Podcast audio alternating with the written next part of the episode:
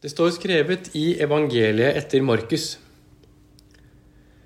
Da sabbaten var over, kjøpte Maria Magdalena og Maria, Jakobs mor, og Salome velluktende oljer for å gå og salve ham.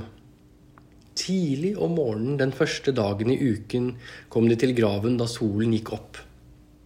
De sa til hverandre, Hvem skal vi få til å rulle bort steinen fra inngangen til graven? Men da de så opp, fikk de se at steinen var rullet fra. Den var meget stor.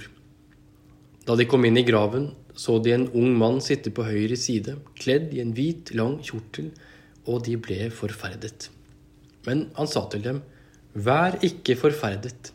Dere leter etter Jesus fra Nasaret, den korsfestede. Han er stått opp. Han er ikke her. Se, der er stedet hvor de la ham. Men gå og si til disiplene hans og til Peter, han går i forveien for dere til Galilea. Der skal dere få se ham, slik som han sa dere. Da gikk de ut og flyktet bort fra graven, skjelvende og ute av seg. De sa ikke et ord til noen, for de var redde. Slik lyder det hellige evangelium. Da sabbaten var over, kjøpte Maria Magdalena og Maria Jakobs mor og Salome velluktende oljer for å gå og salve ham. Dette er starten på evangeliet i natt. De gikk for å salve Jesus. Salvingen går som en rød tråd fra palmesøndag og Marias salving av Jesus til fotvaskingen på skjærtorsdag og salvingen nå i natt. Deres salving er et uttrykk for kjærlighet og en kime til håp. I ettermiddag møtte jeg noen som på under et døgn fikk livet sitt snudd på hodet. Som lurer på hva de har gjort for å måtte flykte fra sitt eget hjem. Noen ganger ligger det bare selvpining i å lete etter mening og årsaker. Noen ganger rammes vi av noe vi ikke kan noe for. Det er ikke sånn at Gud styrer verden som et regnskap som skal gå i balanse. Jeg kan ikke gjøre en god gjerning i dag og vente at jeg skal slippe unna ulykken i morgen. Alt kan ikke spores tilbake til egne valg og egen livsstil. Noe bare rammer oss. På Jesu tid, som i dag, fantes det ulike religioner og livssyn. Du hadde kynikere og stoikere, og du hadde epikurerende. De siste var opptatt av å leve godt. Men når døden en gang kom, var det slutt. Ingen himmel, ingen dom. I dag tror jeg mange deler noe av den samme troen som epikurerende. Ingen himmel. Himmelen må vi skape for oss selv her på jorden. Det er for mange et strevsomt liv med mange skuffelser. Det blir muligens et liv med positiv tenkning og optimisme, men jeg er ikke så sikker på at det er et liv med håp. Optimisme og positiv tenkning er knyttet til de systemene som omgir oss. Det er å håpe på lavere strømpriser og godt påskevær. Optimisme tar utgangspunkt i det vi kjenner til. Men håp, i dypere forstand, i kristen forstand om du vil, begynner der optimismen slutter. Det er et annet slags håp. Håpet er uløselig knyttet sammen med kjærlighet. Håpet er relasjonelt, det er knyttet til Gud og til hverandre. Teologen Werner Schanrond skriver et sted at håp er å ta evigheten inn i tiden. Håp er å ta evigheten inn i tiden. Jeg husker jeg som 14-åring så The Matrix på Colosseum, og det var en skjellsettende opplevelse. I en av de berømte scenene gir Morpheus Neo et valg. Ta den blå pillen og våkne opp i morgen som om ingenting har hendt. Eller ta den røde pillen. Bli værende i eventyrland, og jeg skal vise deg hvor dypt kaninhullet går. Han tar den røde pillen og får innsikt i en større virkelighet.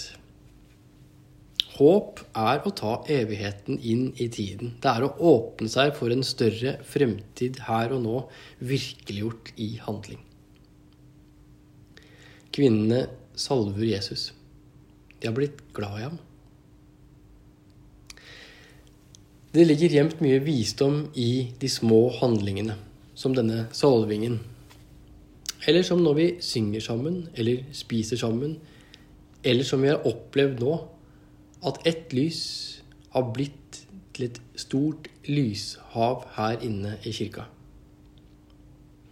Og så tenker jeg på alle disse trofaste kaffekokende og kakebakende folka der ute. På alle som gjør disse små, store tingene for at vi skal kunne være sammen. I evangelieteksten står det Han går i forveien for dere til Galilea. Håp er å håpe at Jesus har gått foran oss og er alle de steder vi er på vei. Håp er en stille sang som aldri tar slutt. Den tomme graven er symbolet på at døden ikke er endestasjonen. Den er et tegn på at vi ikke er overlatt til oss selv i et univers som bare blir dratt mot et stort, sort hull. Korset dreier seg om en gud som utholder alt, tåler alt, for å være sammen med oss. Men den tomme graven er en katalysator for håp. Samtidig kjenner jeg selv igjen følelsen av håpløshet. Statsledere og kirkeledere lever ikke opp til det vi forventer av dem. Slik har det vært til alle tider, og vår tid er ikke noe annerledes. Forbilder viser seg å være lite forbilledlige. Det er ikke lett å se en lys framtid hvis man har et trøblete liv, hvis man selv har mistet en nær venn eller et familiemedlem altfor tidlig. Eller hvis man har mistet hus og hjem, som den familien jeg møtte tidligere i dag. Det er mulig å tro at døden er slutten, som epikurerende og som mange i vår tid tror. Men håpet er overraskende å finne når alt er brutt sammen. Det synes jeg at jeg har hørt i sorgsamtaler. At når alt er borte, så finnes det likevel en kraft til å se og orientere seg på nytt. En ny begynnelse. En opplevelse av en kjærlighet som ikke slipper taket. Den tomme graven er ikke et sted å være. Kvinnene ble sendt videre. For vi er ikke overlatt til et stummende mørke. Vi er ikke overlatt til en menneskelighet eller en menneskehet som er fortapt. Og til dere som døpes i dag vi er ment for alle disse små, store handlingene. Som den fremmede fireåringen jeg møtte tidligere i dag, som ville dele kjærlighet på pinnene fra påskeegget sitt. Det er håp, det. I dåpen knyttes vi til en større fremtid. Kvinnene ved graven fikk oppgaven med å bringe budskapet videre. Jesus har gått i forveien for kvinnene, og det er min tro at han fortsatt går foran oss.